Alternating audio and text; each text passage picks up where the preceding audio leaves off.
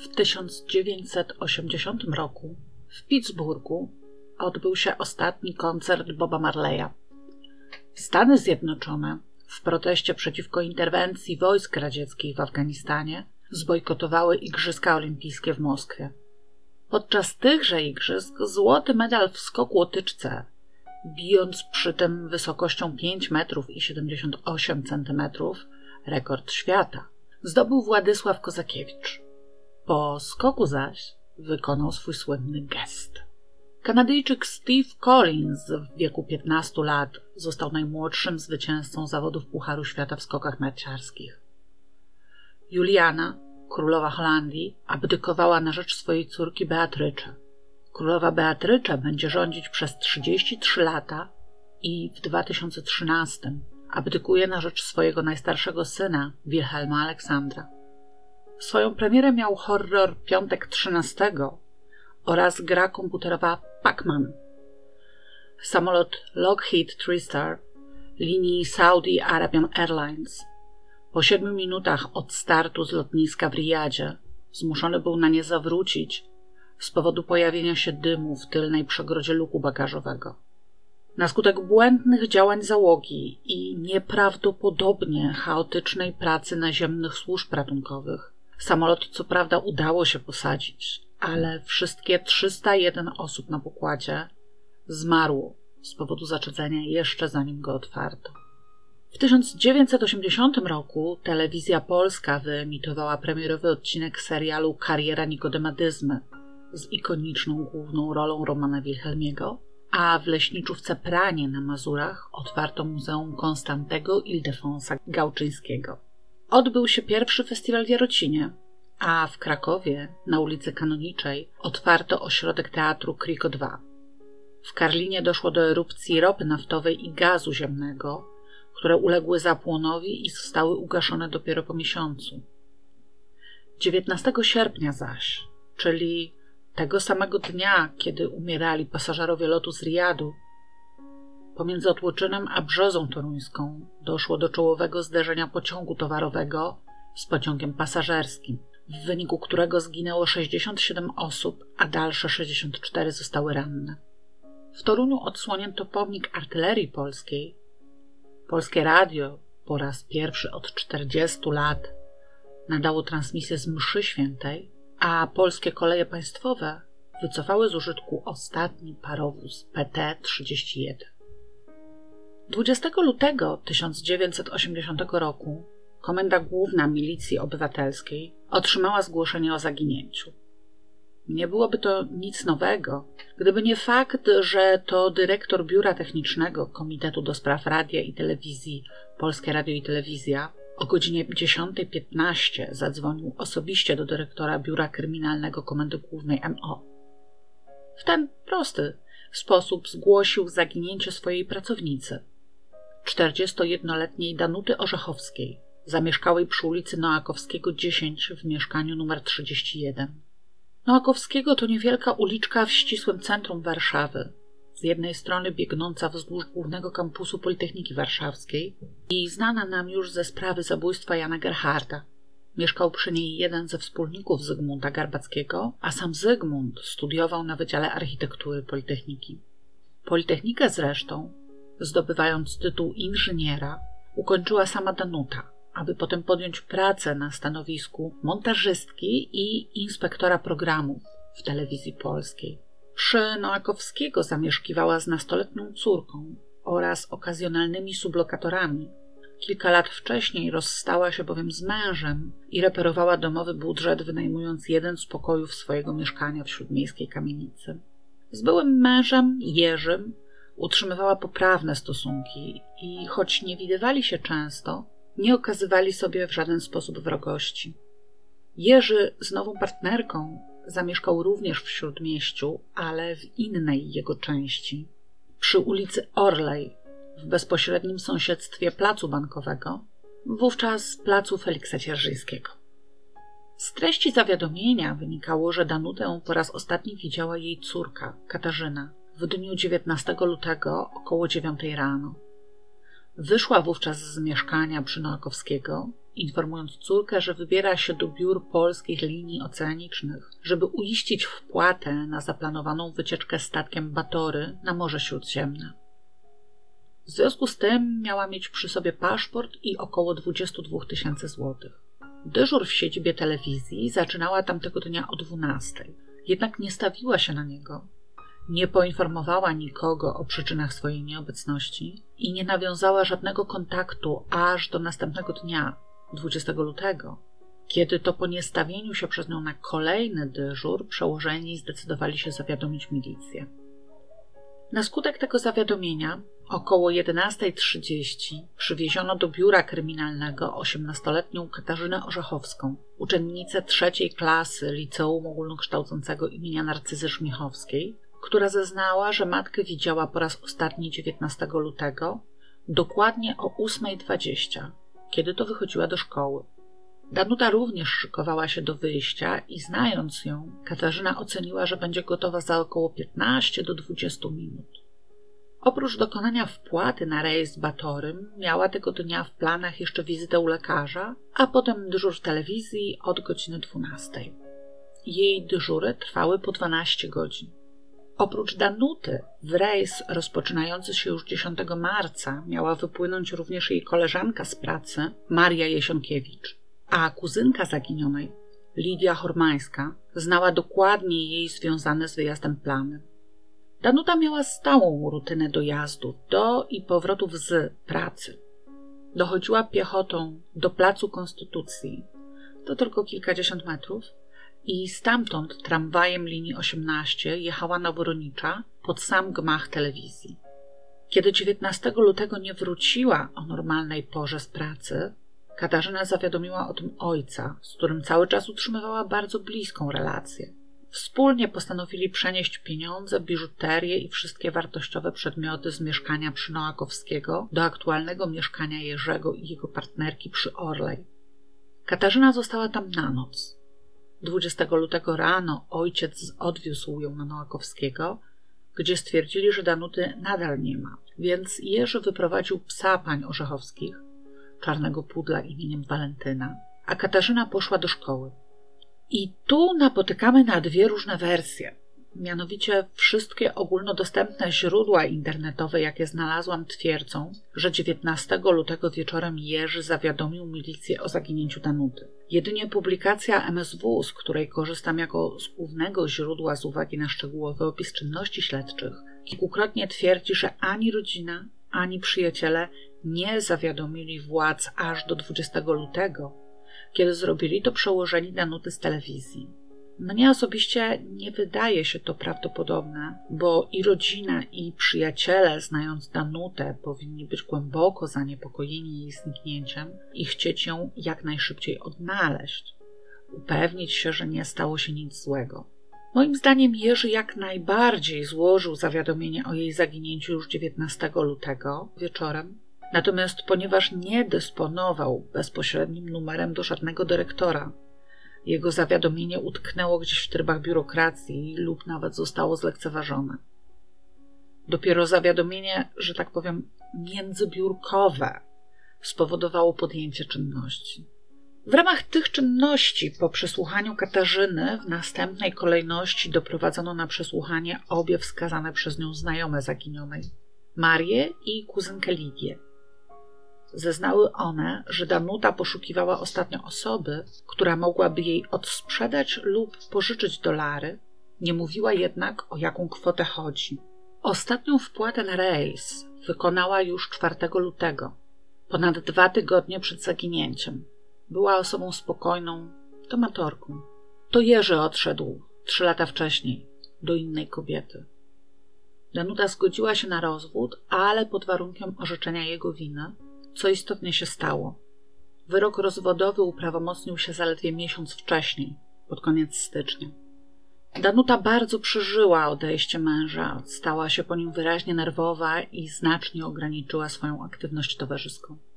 Zresztą nigdy nie obracała się w dużym gronie. Utrzymywała kontakty z najbliższą rodziną i zaledwie kilkoma koleżankami z pracy. Nie interesowała się mężczyznami.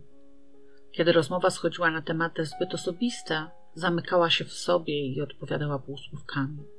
Najchętniej mówiła o Katarzynie. Kochała ją, pilnie śledziła jej postępy w nauce. Jej ambicją było wychowanie córki na samodzielną i rozsądną osobę, liczącą się z realiami życia codziennego. Matka i córka łączyły dobre stosunki, choć Danuta była w stosunku do Katarzyny dokładnie tak samo rzetelna i poważna, jak w każdym innym aspekcie swojego życia. W ciągu jej ponad dwudziestoletniej pracy zawsze informowała przełożonego lub koleżanki o przewidywanej nieobecności czy nawet spóźnieniu do pracy. Tuż przed zaginięciem źle się czuła. Od 14 do 17 lutego przebywała na zwolnieniu lekarskim. Pierwszy raz po zwolnieniu przyszła do pracy 18 lutego na poranną zmianę. Później, 19, miała mieć zmianę od godziny 12 i na nią już nie przyszła. Również 19, ale po pracy około 19, była umówiona z Lidią, ale swoją wizytę odwołała już 18 rano, informując kuzynkę, że spodziewa się hydraulików. Nie udało mi się znaleźć informacji, czemu, pracując na 12-godzinne zmiany, umówiła się po 7 godzinach od takiej zmiany rozpoczęcia, ale być może te 12 godzin nie było regułą. Lidia wiedziała także o zaplanowanej przez Danutę wizycie lekarskiej 19 rano. Równolegle z przesłuchaniem Marii i Lidii podjęto pierwsze czynności sprawdzające. W biurze polskich linii oceanicznych potwierdzono, że Danuta Orzechowska istotnie 4 lutego opłaciła cały koszt rejsu Batorym. Oznaczało to, że pieniądze, które według zeznania Katarzyny miała przy sobie 19 rano, musiały być przeznaczone na inny cel. Być może na zakup dolarów, których ostatnio poszukiwała.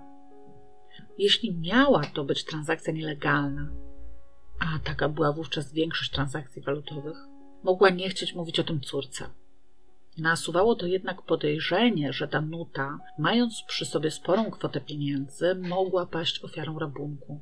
Za przyjęciem tej wersji przemawiała dwa lata wcześniejsza sprawa dwóch inżynierów, którzy umówili się z kimś w celu zakupienia bonów PKO i zaginęli bez śladu. Z kolei pomiędzy 1976 a 1980 rokiem na terenie Warszawy odnotowano sześć zabójstw o motywie rabunkowym których sprawcy wchodzili do mieszkań podając się za różnej profesji rzemieślników, a Danuta odwołała zaplanowaną na 19 lutego wizytę u kuzynki, ponieważ oczekiwała hydraulików. Około godziny 12 tego samego 20 lutego biuro kryminalne skontaktowało się telefonicznie z Wydziałem Poszukiwań, Informacji i Rozpoznania oraz Wydziałem Kryminalnym Komendy Stołecznej MO w Warszawie prosząc o podanie informacji o wszystkich odnotowanych zdarzeniach, które mogą mieć związek z zaginięciem Danuty Orzechowskiej. Wydział Poszukiwań od razu wskazał na zdarzenie zasługujące na szczególną uwagę śledczych. Otóż dosłownie na chwilę przed telefonem z komendy głównej milicjanci z tego wydziału otrzymali informację, że dwóch pracowników przedsiębiorstwa Hydrocentrum podczas przerwy na papierosa zauważyło w wodach jeziorka Czerniakowskiego, tuż koło mostu, przez który przebiegała ulica Gołkowska, niewielką paczkę. Mężczyźni zdecydowali się ją wyłowić i rozpakować. Po wydobyciu na brzeg okazała się owinięta szarym papierem i gazetami oraz przewiązana sznurkiem. Wewnątrz tego opakowania robotnicy znaleźli aluminiowy garnek kuchenny, a w nim odciętą ludzką głowę należącą bez wątpienia do kobiety. Na podstawie danych o kształcie twarzy, kształcie i rysunku czerwieni wargowej, kolorze i długości włosów, stwierdzono, że z dużym prawdopodobieństwem głowa może należeć do Danuty Orzechowskiej. Wezwano ponownie Katarzynę i Jerzego Orzechowskich oraz Margię Jesionkiewicz i Lidię Hormańską i cała czwórka o godzinie 15.40 na terenie Komendy Stołecznej Milicji Obywatelskiej, prawdopodobnie w pomieszczeniach laboratorium kryminalistycznego, dokonała identyfikacji głowy jako należącej do zaginionej Danuty Orzechowskiej.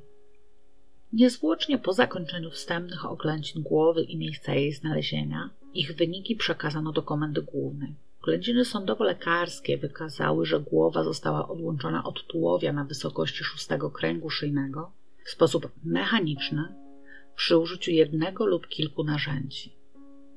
Nosiła liczne, podłużne, godzące w głąb mózgu rany cięte, które mogły pochodzić od ciosów zadanych z dużą siłą siekierką, tasakiem lub toporkiem strażackim. Dodatkowo na głowie były również widoczne zasinienia i otarcia, które mogły pochodzić zarówno od zetknięcia się podczas upadku z twardym podłożem, jak i ciosów zadanych kijem lub pałką, na przykład w celu ogłuszenia ofiary. Garnek, w którym znaleziono głowę, był typowym garnkiem kuchennym. Nie nosił żadnych śladów ani nie posiadał cech charakterystycznych.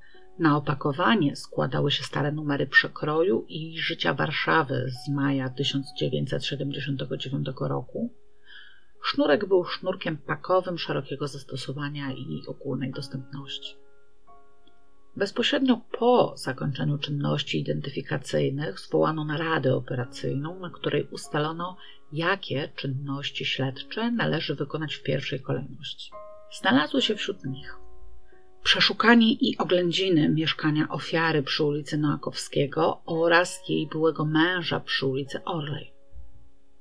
Przesłuchanie w charakterze świadków Katarzyny i Jerzego Orzechowskich w celu zgromadzenia informacji na temat osobowości, kontaktów towarzyskich, trybu życia i zwyczajów Danuty, jak również ustalenia ich ewentualnych związków z jej zabójstwem.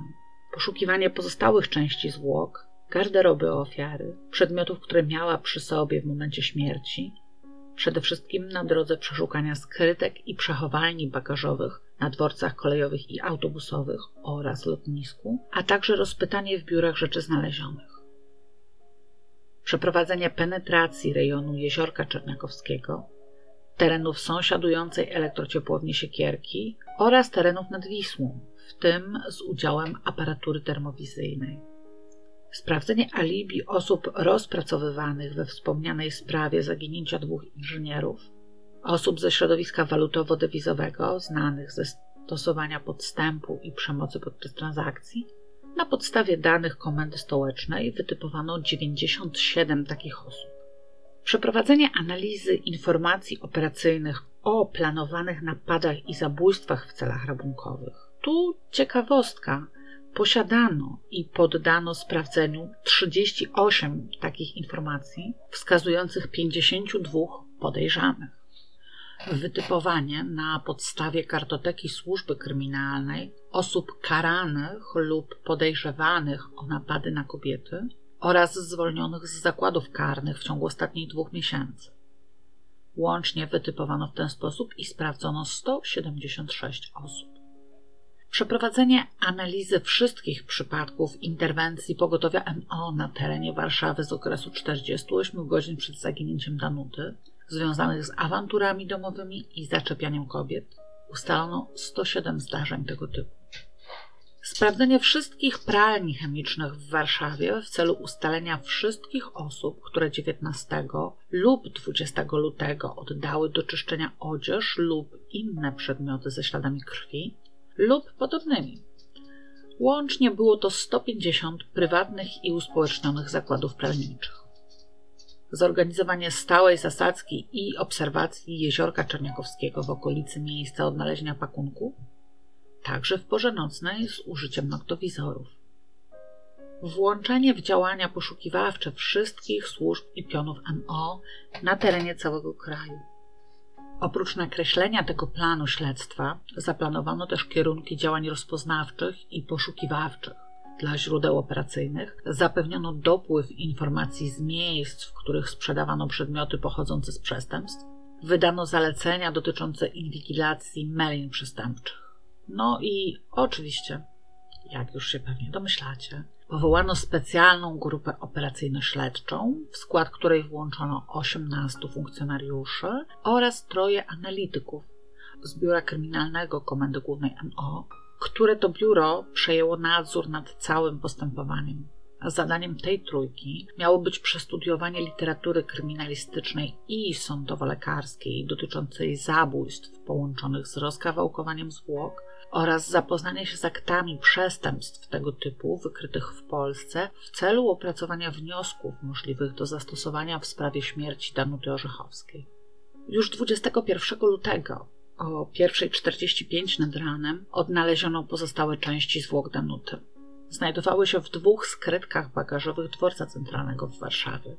Tułów i kończyny górne w walizce z jasno-brązowego skaju, a oddzielone od tułowia i rozdzielone w stawach kolanowych kończyny dolne, w torbie podróżnej z dwoma uszami, zapinanej na zamek błyskawiczny. Na walizce z tułowiem leżała wiązanka kwiatów w papierze. Żonkil, frezja i tulipa, ozdobione gałązką asparagusu, przewiązane kolorową wstążką. Tułów w miejscach oddzielenia głowy i nóg był owinięty ręcznikami frotte i zabezpieczony przezroczystą folią. W taką samą folię zawinięto cztery części nóg. Oględziny wykazały, że nogi zostały oddzielone od tułowia na wysokości szyjek kości udowych i pachwi. Miejsca oddzielenia przebiegały niemal symetrycznie. Jedynie boczne brzegi kości miały drobne odpryski. Natomiast uda od podudzi zostały oddzielone w stawach kolanowych idealnie czysto, bez żadnych uszkodzeń kości. Ani w walizce, ani w torbie, ani w skrytkach, w których je odnaleziono, nie było odzieży Danuty, ani żadnych jej przedmiotów osobistych. Na tym etapie wiedziano już, że w chwili zaginięcia była ubrana w brązowy kożuch z szalowym kołnierzem, oblamowany futrem o długim włosiu, brązowy beret ręcznej roboty, brązową jedwabną apaszkę, gładką spódnicę z brązowej wełny, czarne kozaczki do kolan, beżowy półgolf z, wełny, z wełny szetlandzkiej, brązowe skórzane rękawiczki oraz miała przy sobie brązową skórzaną torebkę zawierającą paszport, legitymację służbową, książeczkę czekową, portfel z nieustaloną kwotą pieniędzy, klucze do mieszkania przy Noakowskiego i podręczny komplet kosmetyków. Większość z tych przedmiotów była wartościowa, a sam kożuch był wart około 20 tysięcy. Rabunek wydawał się więc coraz bardziej przekonującym motywem tej zbrodni.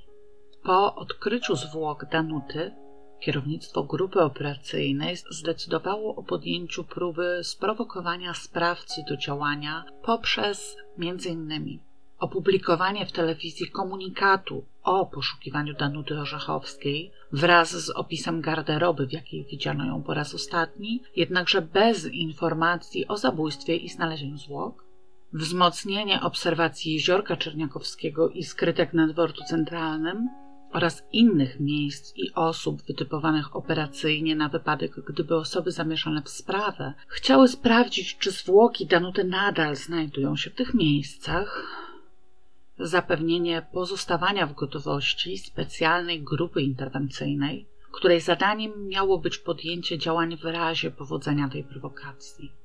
Jednocześnie rozpracowaniu operacyjnemu prowadzonemu w sprawie śmierci Danuty nadano kryptonim Wiązanka od kwiatów znalezionych na walizce ze zwłokami.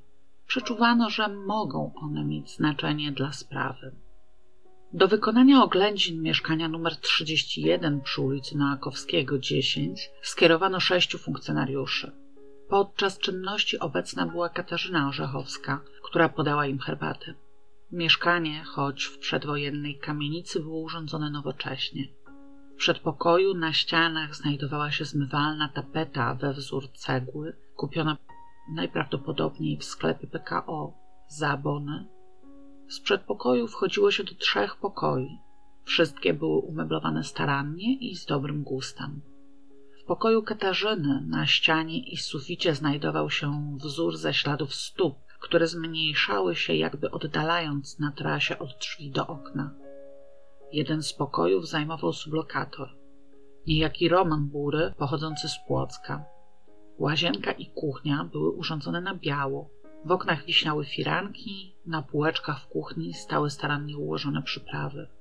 W toku oględzin nie stwierdzono nic, co mogłoby się łączyć z zabójstwem Danuty. Jakim cudem? Do dziś nie wiadomo.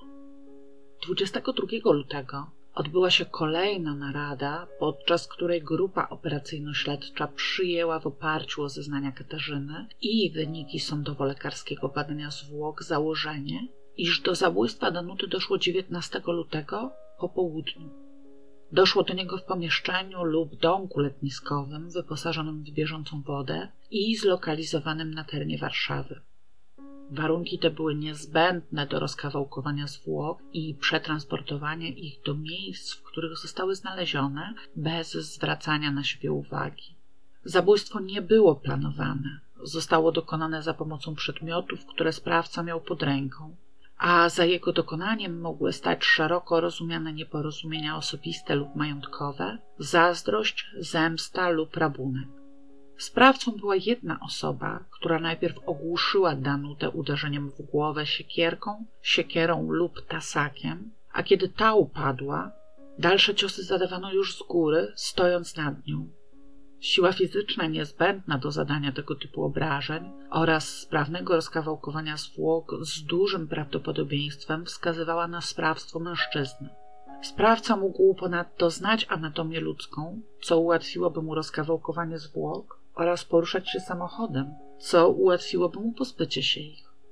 W oparciu o taką wersję okolicznościową można już było skupić się na tworzeniu wersji osobowych i zagadnieniowych. I tak, po pierwsze, przyjęto oczywiście wersję sprawstwa Katarzyny Orzechowskiej. Jedynym powodem do rozpracowania tej wersji była znana zasada, że sprawcę należy poszukiwać najpierw w gronie najbliższych ofierze, a dopiero potem wśród innych osób. Śledczy szybko ustalili, że Katarzyna nie miała żadnych powodów, aby pozbawić matkę życia, a sam okrutny i bezwzględny czyn nie pasował do spokojnej osobowości dziewczyny. Wydawało się też mało prawdopodobne, aby zaledwie osiemnastoletnia dziewczyna mogła znieść niezwykłe napięcie, jakie musiało jej towarzyszyć, i nie dać nic po sobie poznać ani ojcu, ani znajomym matki, koleżankom, nauczycielom, ani wreszcie przysłuchującym ją kilkukrotnie doświadczonym oficerom milicji. Podczas przeszukania mieszkania przy ulicy Noakowskiego nie odkryto żadnych śladów mogących wskazywać na to, że to tam dokonano krwawego zabójstwa, a następnie rozkawałkowano zwłoki. Katarzyna miała także na założony czas zaginięcia matki bardzo mocne alibi. W dniu 19 lutego pomiędzy dziewiątą a czternastą przebywała w szkole, co potwierdziła cała klasa i wszyscy nauczyciele, a prosto po lekcjach udała się wraz z kolegą, Jackiem, do swojego mieszkania, gdzie spędzili kilka godzin we dwoje, korzystając z nieobecności Danuty. Wieczorem zaś pojechała do ojca na Orlą, co nie pozostawiłoby jej absolutnie czasu na zabójstwo, rozkawałkowanie i spakowanie ciała. Niemożliwe też było dokonanie przez Katarzynę zabójstwa poprzedniego dnia, 18 lutego. Wówczas również była w szkole do 14. Po powrocie kilkukrotnie dzwoniła do różnych koleżanek, a o 19 wrócił już do domu sublokator, Roman Bury, który nie zauważył nic szczególnego ani w wyglądzie mieszkania, ani samej Katarzyny. Po godzinie 20 tego dnia Katarzyna odbyła jeszcze dłuższą rozmowę telefoniczną z Jackiem, podczas której również zachowywała się normalnie. Podczas pogrzebu matki i w kolejnych dniach Katarzyna była wyraźnie nieswoja. Słabo reagowała na otoczenie. Wydawała się ociężała psychicznie i spowolniona. Nie płakała. Całe jej zachowanie zostało ocenione jako pasujące do szoku po utracie najbliższej osoby i najzupełniej wiarygodne wzbudzającą pewien dysonans decyzję o tym, żeby najpierw zabezpieczyć cenne ruchomości, przenosząc je do mieszkania ojca, a dopiero potem zająć się poszukiwaniem matki, uzasadniła niepokojem o dostanie się w niepowołane ręce posiadanych przez Danutę kluczy. Pozostawienie zaś przez Danutę kalendarzyka z adresami i telefonami tym, że matka nie zawsze nosiła go w torebce. Zapominała o nim zwłaszcza, kiedy wychodziła już spóźniona. Mimo wszystko postanowiono jednak podjąć czynności w ramach wersji Katarzyny, między innymi powtórzenie przeszukania mieszkania Przynoakowskiego oraz skoncentrowanie na jej osobie działań operacyjno-rozpoznawczych. Termin ponownego przeszukania był jednak kilkukrotnie przesuwany, ponieważ chciano je przeprowadzić w obecności Katarzyny i jej ojca, a ci wciąż byli zajęci załatwianiem formalności związanych ze śmiercią i pogrzebem Danuty. Rozpatrywano również wersję Jerzego Orzechowskiego i to zarówno jako samodzielnego sprawcę, jak i współdziałającego z córką. Ustalono, że Jerzy mógł mieć powody, aby źle życzyć byłej żonie. Okoliczności ich rozwodu były przykre dla obu stron, a Danuta wielokrotnie komentowała je w sposób uwłaczający. Toczyli ze sobą także spór o władzę rodzicielską, który zakończyło dopiero osiągnięcie przez Katarzynę pełnoletności. Jerzy miał też warunki fizyczne i możliwości, aby dokonać tej zbrodni. Był sprawny fizycznie, miał dostęp do mieszkania zarówno swojego, jak i Danuty, mógł przez nikogo niekontrolowany opuszczać miejsce pracy. 20 lutego z wyraźnym przygnębieniem i łzami w oczach mówił po przyjściu do pracy, że spotkało go wielkie nieszczęście, choć w tamtym momencie Danuta wciąż była tylko zaginiona. Jej głowa miała zostać odnaleziona dopiero za kilka godzin. Dziwną decyzję o zabezpieczeniu rzeczy Znakowskiego przed zawiadomieniem o zaginięciu Danuty w wypadku Katarzyny mogły usprawiedliwiać młody wiek i zdenerwowanie. Dla Jerzego takie usprawiedliwienie ciężko było znaleźć. Zdecydowano się więc poddać jego osobę rozpracowaniu operacyjnemu. Najciekawiej na tym etapie zapowiadała się wersja Romana Burego, sublokatora pań Orzechowskich. Według zeznań Katarzyny po raz ostatni widziała go 18 lutego, w poniedziałek, wieczorem. Wrócił około 19. Zabrał jakieś radio, a ona telefonicznie zamówiła mu taksówkę. Po jego wyjściu odbyła wspomnianą już długą rozmowę telefoniczną z Jackiem i więcej sublokatora nie widziała. Wiedziała, że matka nie wynajmowała pokoi na własną rękę, a współpracowała z zakładami pracy, które kierowały do niej swoich pracowników zamiejscowych. Roman Bury mieszkał u nich od sierpnia poprzedniego 1979 roku i był pracownikiem przedsiębiorstwa Budobol. Żadnych innych jego danych nie była jednak w stanie podać.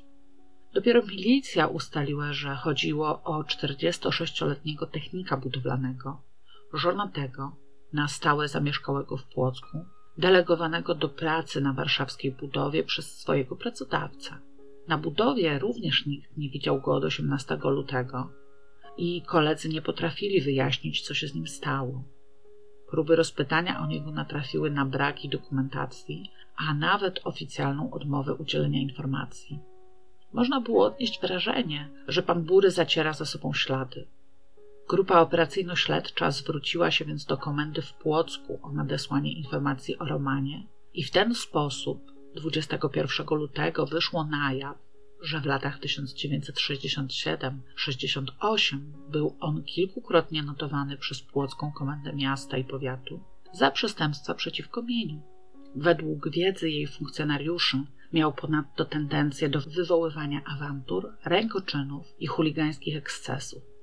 Brano pod uwagę fakt, że miał on klucze do mieszkania na Noakowskiego i jako sublokator cieszył się zaufaniem Danuty. A założono, że mogła go z nią łączyć jakaś utrzymywana w tajemnicy relacja, mogąca dać podstawę do zazdrości, zemsty, nieporozumienia osobistego lub majątkowego. Zdecydowano na razie nie wszczynać za nim oficjalnych poszukiwań, poprzestać jedynie na intensywnej pracy operacyjnej. W jej toku ustalono, że Bury 18 lutego po prostu wyjechał w delegację i do chwili obecnej przebywał na jej miejscu. Bardzo interesująca wydała się śledczym wersja Kazimierza G. Miał on 42 lata, na stałe mieszkał we Wrocławiu, a w lecie 1978 roku przebywał przez kilka tygodni przy Noakowskiego jako jeden z pierwszych sublokatorów pani Rzechowskich. Danuta zwierzyła się kilku przyjaciółkom, że mieli ze sobą romans. Kazimierz często obdarowywał ją drobnymi prezentami, ale przede wszystkim regularnie przynosił jej kwiaty. Najczęściej były to żonkile i frezje, czyli dwa z trzech kwiatów znalezionych na walizce ze zwłokami. Danuta miała się zwierzyć, że Kazimierz zupełnie nie podoba jej się jako mężczyzna, ale sypia z nim, bo go lubi, a przede wszystkim dlatego, że jest dla niej czuły i opiekuńczy, a tego bezpośrednio po odejściu Jerzego bardzo jej potrzeba. Niemniej po kilku tygodniach zdecydowała się zakończyć tą znajomość, a wobec jej stanowczego nalegania Kazimierz był zmuszony wyprowadzić się. W Warszawie przebywał z powodu jakiegoś seminarium naukowego. Pomimo upływu czasu od ich rozstania, regularnie przysłał jej kartki pocztowe z wyjazdów, także zagranicznych, i życzenia z okazji urodzin i imienin. Danuta zachowywała te dowody pamięci. Kazimierz często bywał w Warszawie, gdzie miał liczne kontakty zarówno rodzinne, jak i zawodowe. W okresie śmierci Danuty przebywał poza Wrocławiem, a jego alibi na 19 lutego było wyjątkowo naciągane. Podczas całego zresztą przesłuchania zaprezentował się od bardzo niekorzystnej strony, ugruntowując w śledczych przekonanie, że mataczy i coś ukrywa. Podjęto decyzję o jego szczegółowym rozpracowaniu operacyjnym i pozostawaniu w gotowości w razie pojawienia się konieczności jego zatrzymania. Ostatnia z założonych wersji osobowych dotyczyła Andrzeja S. Był on mężem jednej z koleżanek Danuty z pracy i z tego tytułu cieszył się jej sympatią i zaufaniem, a jednocześnie mieszkał w pobliżu jeziorka Czerniakowskiego. Był właścicielem samochodu, miał 40 lat i wyższe wykształcenie, a w okresie zaginięcia Danuty jego żona przebywała za granicą. Cieszył się więc pełną swobodą w dysponowaniu swoim mieszkaniem. Był majsterkowiczem, miał wprawę w posługiwaniu się różnymi narzędziami, a jednocześnie miał opinię odludka, dziwaka i osoby zamkniętej w sobie. Danuta bywała częstym gościem w jego domu. Często też odbywali razem z żoną Andrzeja przechadzki nad jeziorkiem. Nie dość, że Andrzej z powodu nieobecności żony nie miał żadnego alibi na 19 lutego, to jeszcze podczas przesłuchania, początkowo poświęconego tylko zdobyciu informacji o Danucie, Przyłapano go na kilku istotnych nieścisłościach, a w jego mieszkaniu zabezpieczono zarówno numery przykroju, który czytywała żona Andrzeja, jak i garnki aluminiowe. Początkowo planowano uzyskanie zeznań żony Andrzeja, która po 25 lutego miała powrócić do kraju z podróży do USA. Niestety Andrzej już w kilka godzin po przesłuchaniu zadzwonił do żony i przeprowadził z nią dłuższą rozmowę telefoniczną, podczas której poinformował o zabójstwie. Nie udało się ustalić, czy przekazał jej także jakieś instrukcje co do zeznań, jakie powinna złożyć, ale wywiadowcy MO na wszelki wypadek w trybie ciągłym oczekiwali na warszawskim lotnisku na jej powrót. Oprócz wersji osobowych skierowano do rozpoznania także kilka wersji zagadnieniowych. Przede wszystkim wersję walizka, która zakładała, że sprawcą lub pomocnikiem sprawcy zabójstwa Danuty była osoba, która dysponowała walizką i torbą turystyczną, które znaleziono w skrytkach na dworcu centralnym. Chodziło o dysponenta, nie zaś właściciela tych przedmiotów, ponieważ według zeznań Katarzyny i pięciorga innych świadków, zarówno walizka, jak i torba były własnością Danuty. Katarzyna potrafiła wskazać, gdzie i kiedy zostały one kupione, w jakich okolicznościach były używane, a nawet jakie miały uszkodzenia. Dokonana przez nią identyfikacja nie wzbudzała więc wątpliwości. Katarzyna zeznała także, że zarówno walizkę, jak i torbę widziała po raz ostatni kilka tygodni wcześniej, ponieważ matka pożyczyła je komuś, kogo ona nie znała. To zeznanie potwierdził fakt, że na dnie walizki znaleziono fragmenty serwetek kosmetycznych podawanych pasażerom kilku zachodnich linii lotniczych, z których usług Danuta nigdy nie korzystała. W szczelinach dna torby ujawniono zaś mikroskopijne okruchy szkła, które po badaniu okazały się pochodzić z okularów korekcyjnych. Danuta miała zaś zupełnie zdrowy wzrok. Te dowody zdawały się potwierdzać podejrzenie, że sprawcy należy szukać wśród osób bliskich Danucie i darzonych przez nią zaufaniem. Wersja znajomi obejmowała 190 osób. Ustalono je na podstawie należącego do ofiary kalendarzyka z adresami. Znaczna część tych osób była jednak praktycznie eliminowana od razu lub po pierwszym sprawdzeniu. Dla przykładu, jeśli nie wystąpił jakiś szczególny powód do podejrzeń, z góry eliminowano kobiety jako mniej sprawne fizycznie od mężczyzn. Wyłączono także osoby, które w okresie zdarzenia przebywały poza Polską. 23 lutego udało się tą wersję ograniczyć do 41 osób, z czego 12 zakwalifikowano do dalszego sprawdzenia. Byli to głównie mężczyźni utrzymujący z Danutą bliższe relacje towarzyskie i odpowiadający opisowi cech fizycznych i psychicznych sprawcy. Z kolei wersja Złodzieje Brylantów została oparta na informacji uzyskanej 23 lutego. Danuta miała ponoć w połowie 1979 roku nawiązać kontakt z kilkoma mężczyznami, którzy zaoferowali jej sprzedaż brylantu wielkiej wartości. Brylant ten miał pochodzić z kradzieży. O dziwo, te informacje udało się niebawem potwierdzić, gdyż ustalono osobę, której Danuta osobiście zwierzyła się z otrzymania takiej oferty, wyrażając jednocześnie pewność, że najlepszy interes na takim brylancie można zrobić wywożąc go do Turcji. Potwierdzono, że Danuta w przeszłości była w Turcji, gdzie nawiązała kontakt z bliżej nieustaloną osobą, trudniącą się złotnictwem lub jubilerstwem. Wersja ta wydawała się zatem prawdopodobna, ale szanse jej weryfikacji małe. Przede wszystkim podjęto próbę ustalenia tożsamości owych złodziei. Sprawdzenia kratotek wykazały, że na terenie całej Polski w 1979 roku miało miejsce kilkadziesiąt kradzieży pierścionków z brylantami, których sprawcy w znakomitej większości pozostali niewykryci. Biorąc pod uwagę fakt, że tego typu kradzieże nie zawsze zgłaszano organom ścigania, zachodziła potrzeba dodatkowych działań operacyjnych w środowisku paserów, przemytników i nielegalnych handlarzy. A na tak szerokie działania nie było ani sił, ani tym bardziej środków. Skupiono się więc zatem na wersjach mniej pracochłonnych, z konieczności nadając im wyższy priorytet niż złodziejom brylantów. Wersja jezioro zakładała, że sprawca jest mieszkańcem okolic Jeziorka Czerniakowskiego, gdzie znaleziono pierwszą część zwłok. Jeziorko to, ze względu na swoje usytuowanie, konfigurację brzegu i trudny dostęp do lustra wody oraz znaczne nasilenie ruchu ludzi i pojazdów, nie było dogodnym miejscem ukrycia zwłok. Osoba zamieszkała poza rejonem jeziorka musiała podjąć znaczne ryzyko, aby przedostać się w jego pobliże ze sporym pakunkiem zawierającym część zwłok. Z tego względu wersję jeziorko potraktowano jako priorytetową, skierowano do pracy przy niej najskuteczniejszych funkcjonariuszy i najszybciej podjęto działania. Już 20 lutego zorganizowano całodobową obserwację miejsca znalezienia głowy, zaś od 21 do 25 Grupy funkcjonariuszy w cywilu legitymowały przechodniów w ustalonych wcześniej miejscach i czasie w celu odtworzenia czasoprzestrzennej sytuacji w rejonie w momencie odnalezienia zwłok Danuty.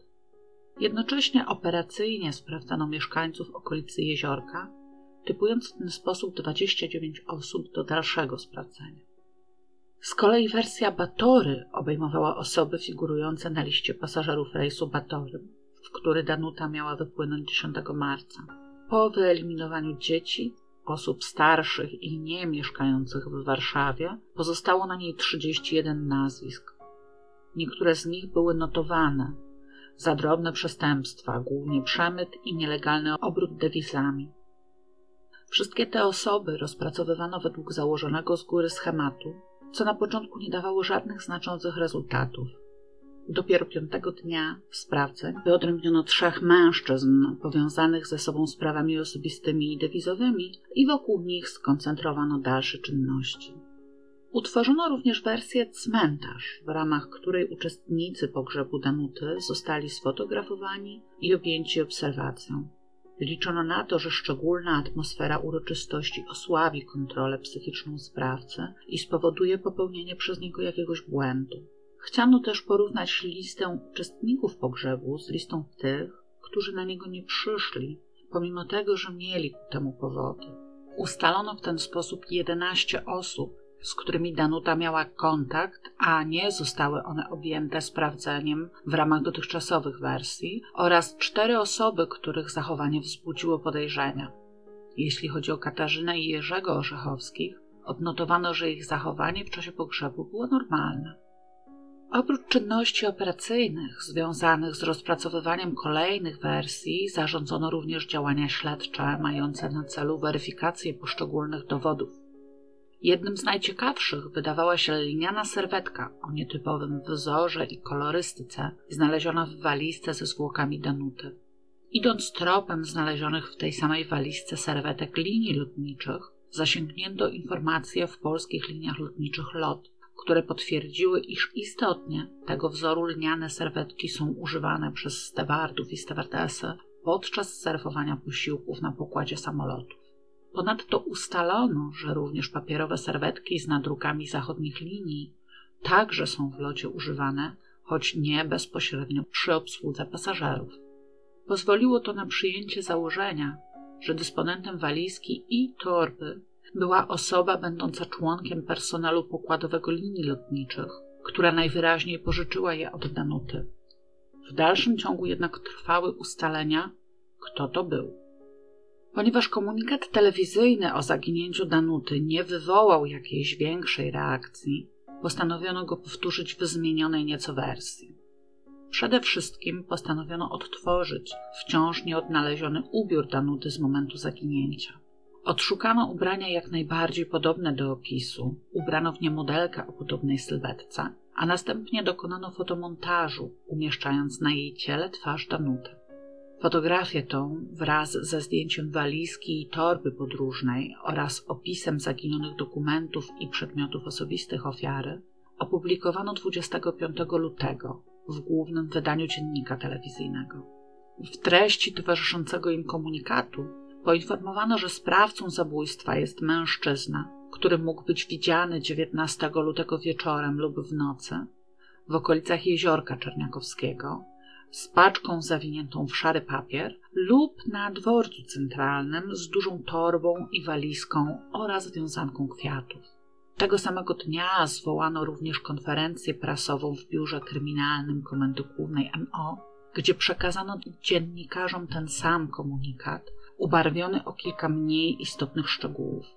Tym razem doczekano się reakcji, wpłynęło około 150 informacji, z czego około 60 dotyczących zaobserwowania mężczyzny z pakunkami lub kobiety o wyglądzie Danuty skierowano do dalszego sprawdzenia. Próbowano również ustalić pochodzenie wiązanki znalezionej na walizce z tułowiem Danuty. Kwiaty oraz papier, w który były opakowane, okazano kilkorgu specjalistom z branży kwieciarskiej. Zgodnie orzekli oni, że biorąc pod uwagę opakowanie, ułożenie i sposób przygotowania kwiatów, wiązanka musi pochodzić z którejś z profesjonalnych kwieciarni. W związku z tą informacją rozpoczęto rozpytania wśród pracowników kwieciarni i punktów kwiatowych na dworcu Warszawa Centralna i w jego bezpośredniej okolicy. Kierowniczka i personel kwieciarni Wars z przejścia między dworcem centralnym a śródmieście stwierdzili zgodnie, że wiązanka pochodzi z ich lokalu, co rozpoznali po gatunku kwiatów, kolorze i fakturze wstążek oraz papierze. Niestety, żonkile, frezje i tulipany to najpopularniejsze zimowe kwiaty, a ruch w kwiaciarni w centrum miasta jest zwykle spory. Nikt nie był w stanie przypomnieć sobie osoby, która taką wiązankę 19 lutego kupiła zwłaszcza, że jej kompozycja była też po prostu pospolita. Niejako z rozpędu ustalono jeszcze producentów tej partii tulipanów Frezji i Żonkili, ale był to ślad wiodący donikąd. Przeprowadzono również rozmowę z kierowcami taksówek oraz sporządzono listę osób, które 19 i 20 lutego korzystały z usług radiotaksy. Lista ta zawierała około 150 nazwisk, Mimo to postanowiono dotrzeć do wszystkich pasażerów i wszystkich kierowców. Zebrano w sumie 28 zeznań o osobach wiozących na dworzec centralny bardzo ciężkie bagaże, które to zeznania skierowano do dalszego sprawdzenia. Z kolei 21 lutego, podczas oględzin walizki, w której znajdował się tułów Danuty, znaleziono w jej wnętrzu kawałek płyty pilśniowej z fragmentem metki. Płyta ta została ewidentnie użyta do wzmocnienia konstrukcji walizki. Po odczytaniu napisu na metce stwierdzono, że płyta była częścią rozkładanego fotela. Dzięki wywiadom w sklepach meblarskich i opinii kilkorga ekspertów stwierdzono, że chodzi o fotel produkowany przed kilku laty we Wrocławiu. Na podstawie katalogów ustalono o jaki model chodzi i z którego miejsca wymontowano płytę. Wydelegowano jedną osobę z grupy śledczej, która wyjechała do Wrocławia, aby na miejscu ustalić wszystkie informacje odnośnie fotela. Pomimo tego, że już wykonano w tej sprawie dużo penetracji terenu i rozpoznań posesyjnych, postanowiono powtórzyć je 26 i 27 lutego na niespotykaną dotąd skalę. Rozpoznanie miały objąć 300 mieszkań i posesji zlokalizowanych w rejonie Jeziorka Czerniakowskiego i ulicy Noakowskiego, a do ich przeprowadzenia wyznaczono 500 funkcjonariuszy. Każdy z nich został wprowadzony w szczegóły sprawy oraz wyposażony w zestaw fotografii Danuty Orzechowskiej, poszukiwanego fotela, walizki i torby turystycznej, a także opis domniemanych narzędzi zabójstwa i przedmiotów, które Danuta miała przy sobie. Zadaniem każdego funkcjonariusza w ramach rozpoznania było dostanie się na wyznaczone mu posesje, przeprowadzenie rozmowy z mieszkańcami i sprawdzenie wnętrza pod kątem śladów zabójstwa lub poszukiwanego fotela. Chciano w ten sposób wytypować świadków bądź osoby podejrzane. Poczynione w ten sposób ustalenia miano wpisywać do specjalnie przygotowanych wykazów, a o szczególnie ważnych informować przełożonych niezwłocznie. Z kolei w ramach poszukiwań odzieży i przedmiotów należących do Danuty nawiązano kontakt z pracownikami fizycznymi Miejskiego Przedsiębiorstwa Oczyszczania w Warszawie. Zwołano dla nich zebranie, na którym podano opis poszukiwanych przedmiotów i udzielono wskazówek na co i gdzie powinni zwrócić uwagę. Za odnalezienie któregokolwiek z poszukiwanych przedmiotów wyznaczono nagrodę, której wartość znacznie przekraczała wartość rynkową tych przedmiotów. 28 lutego 1980 roku kierownictwo grupy operacyjno-śledczej miało od samego rana pełne ręce roboty. Kończyły się sprawdzenia większości osób, ustalenia związane z pochodzeniem wiązanki i fotela, rozpoznania posesyjne w rejonie Jeziorka Czerniakowskiego i ulicy Noakowskiego oraz analizy pracy punktów obserwacyjnych i pułapek. Między tymi informacjami znalazł się też z pozoru niewielki szczegół. Otóż w trakcie rozpoznania posesyjnego w rejonie ulicy Noakowskiego ustalono świadka Iwonę P., która była pewna, że wieczorem 19 lutego widziała Katarzynę Orzechowską, wychodzącą z bramy pod numerem 10 z wózkiem bagażowym, na którym wiozła dużą, ciemną walizkę. Iwona nie oglądała telewizji, stąd nie znała treści komunikatów poszukiwawczych i nie zgłosiła się wcześniej, aby przedstawić swoje zeznanie. Wezwana na formalne przesłuchanie, powtórzyła swoje zeznanie w całości i z dużą pewnością.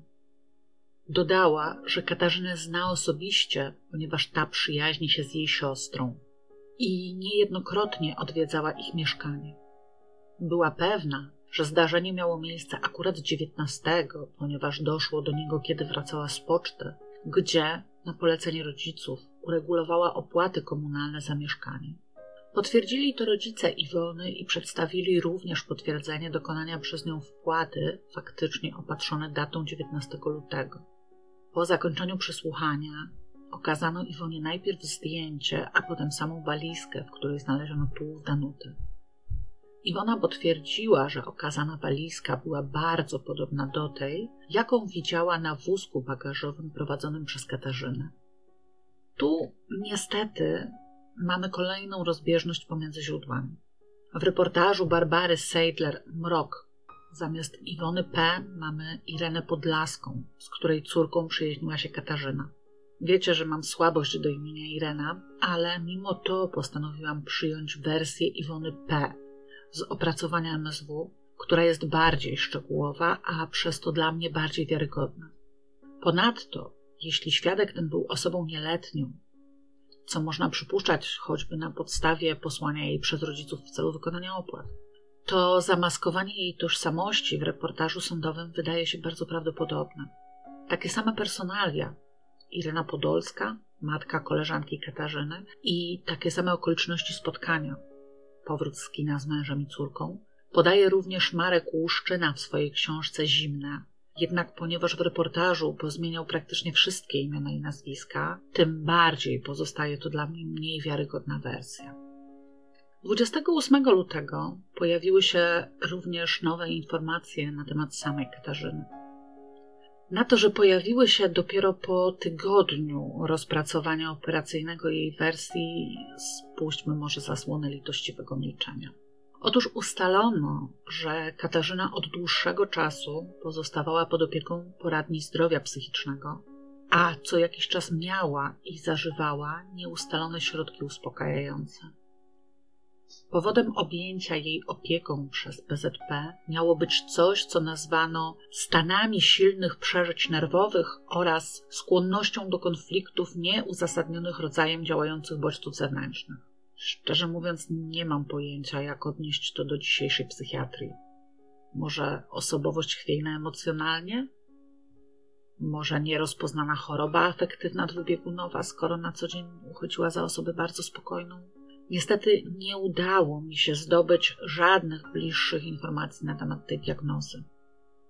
Druga, równie sensacyjna i równie spóźniona informacja również dotyczyła Katarzyny. Otóż dziewczyna pozostawała w konflikcie z prawem. Na początku lutego została ujęta w sklepie Supersam na gorącym uczynku kradzieży drobnych produktów spożywczych. W tej sprawie była wezwana na dzień 18 lutego przed Kolegium do Spraw Wykroczeń, ówczesny odpowiednik funkcjonujących do niedawna wydziałów grodzkich w sądach rejonowych, które zajmowały się drobniejszymi sprawami, a obecnie zostały wchłonięte w normalną strukturę sądów powszechnych. Pomimo prawidłowego wezwania na terminie jednak nie stawiła się. Wobec takich rewelacji zarządzono natychmiastowo zaplanowane już zresztą wcześniej ponowne przeszukanie mieszkania nr 31 przy ulicy Noakowskiego 10. Rozpoczęto je 28 lutego o godzinie 16.20. Trzon specjalnie przygotowanej grupy inspektorów i ekspertów z Biura Kryminalnego Komendy Głównej i Komendy Stołecznej MO stanowili ci, którzy nie brali udziału w pierwszych oględzinach lokalu, a więc nie znali jego topografii i nie byli z góry przygotowani na to, co zastaną na miejscu. Na rezultaty ich działań nie trzeba było długo czekać. Jeszcze przed godziną 17 ekipa oględzinowa zgłosiła, że na ścianach i szafie w przedpokoju wykryto liczne plamy i rozbryzgi substancji wyglądającej jak krew nosząca ślady zmywania, zaś w mieszkaniu zawieszona jest pętla wisielcza. Ponadto zabezpieczono również komplet garnków aluminiowych, w którym brakowało jednego odpowiadającego wielkością temu wyłowionemu z jeziorka Czerniakowskiego. Kawałek płyty pilśniowej, podobnej do tej znalezionej w walizce z tułowiem, kłębki sznurka, przezroczystą folię i przylepiec. Natychmiast podjęto próbę ustalenia miejsca pobytu Katarzyny Orzechowskiej. Nie było jej w szkole, u ojca, ani u żadnych innych krewnych. Nigdzie nie udało się również odnaleźć jej kolegi, Jacka, z którym w ostatnich tygodniach widywano ją prawie bez przerwy. Należało zatem w trybie pilnym uwzględnić wersję, że o ile sprawcą zabójstwa Danuty jednak jest jej córka, to wspólnikiem lub powiernikiem mógł być silniejszy fizycznie Jacek lub nawet jego ojciec, oficer MSW, lekarz, którego również nie zastano w domu. Na jego możliwy udział w sprawie wskazywał ten fragment opinii z sekcji zwłok Danuty, który mówił o możliwej znajomości stosunków anatomicznych i wprawie w wykonywaniu tego rodzaju, domyślnie jako rozkawałkowanie, czynności u sprawcy. Rozpoczęto obławę za całą trójką Katarzyną, Jackiem i jego ojcem. Drogą radiową podano rysopis poszukiwanych do wszystkich patroli pieszych i zmotoryzowanych oraz wywiadowców pełniących służbę na mieście. Ponadto zorganizowano zasadzki i obserwacje w miejscach, które Katarzyna odwiedzała najczęściej. Przez pierwsze dwie godziny nie otrzymano żadnych istotnych informacji. Przystąpiono więc do przygotowania kolejnego komunikatu poszukiwawczego, który chciano wyemitować podczas ostatniego wydania dziennika telewizyjnego oraz zamieścić w porannych gazetach. Zakładano, że pętla wisielcza w mieszkaniu przy Noakowskiego oznacza, że Katarzyna zamierza popełnić samobójstwo i za wszelką cenę nie chciano do tego dopuścić. Na szczęście o 21.10 Katarzyna i Jacek zjawili się w domu chłopaka, gdzie zostali zatrzymani przez funkcjonariuszy przeprowadzających zasadzkę. Od Jacka podczas zatrzymania uzyskano informację, że jego ojciec przebywa w delegacji na południu Polski. Zatrzymanych przewieziono do komendy stołecznej milicji obywatelskiej, gdzie niezwłocznie przystąpiono do przesłuchania Katarzyny. Zachowywała się ona jak zwykle spokojnie i z takim samym spokojem powtórzyła swoje poprzednie zeznanie. Nazwisko Iwony P. nie zrobiło na niej żadnego widocznego wrażenia. Zaprzeczyła, jakoby widziała ją 19 lutego, choć potwierdziła, że dobrze ją zna. Sprowadzono więc Iwonę i przeprowadzono konfrontację obu dziewcząt. Katarzyna zaprzeczyła całemu zeznaniu Iwony. Wciąż była spokojna, ale robiła wrażenie, jakby intensywnie o czymś myślała. Wręcz myślami była gdzieś indziej. Nie okazywała ani gniewu, ani żadnych negatywnych emocji skierowanych przeciwko Iwonie. Iwona z kolei dość długo przekonywała ją do swojej wersji. W końcu sfrustrowana rzuciła: Jak możesz zaprzeczać, skoro na pewno cię widziałam? I na tym konfrontację zakończono. Katarzyna zapytała, gdzie jest Jacek i czy może już pójść do domu.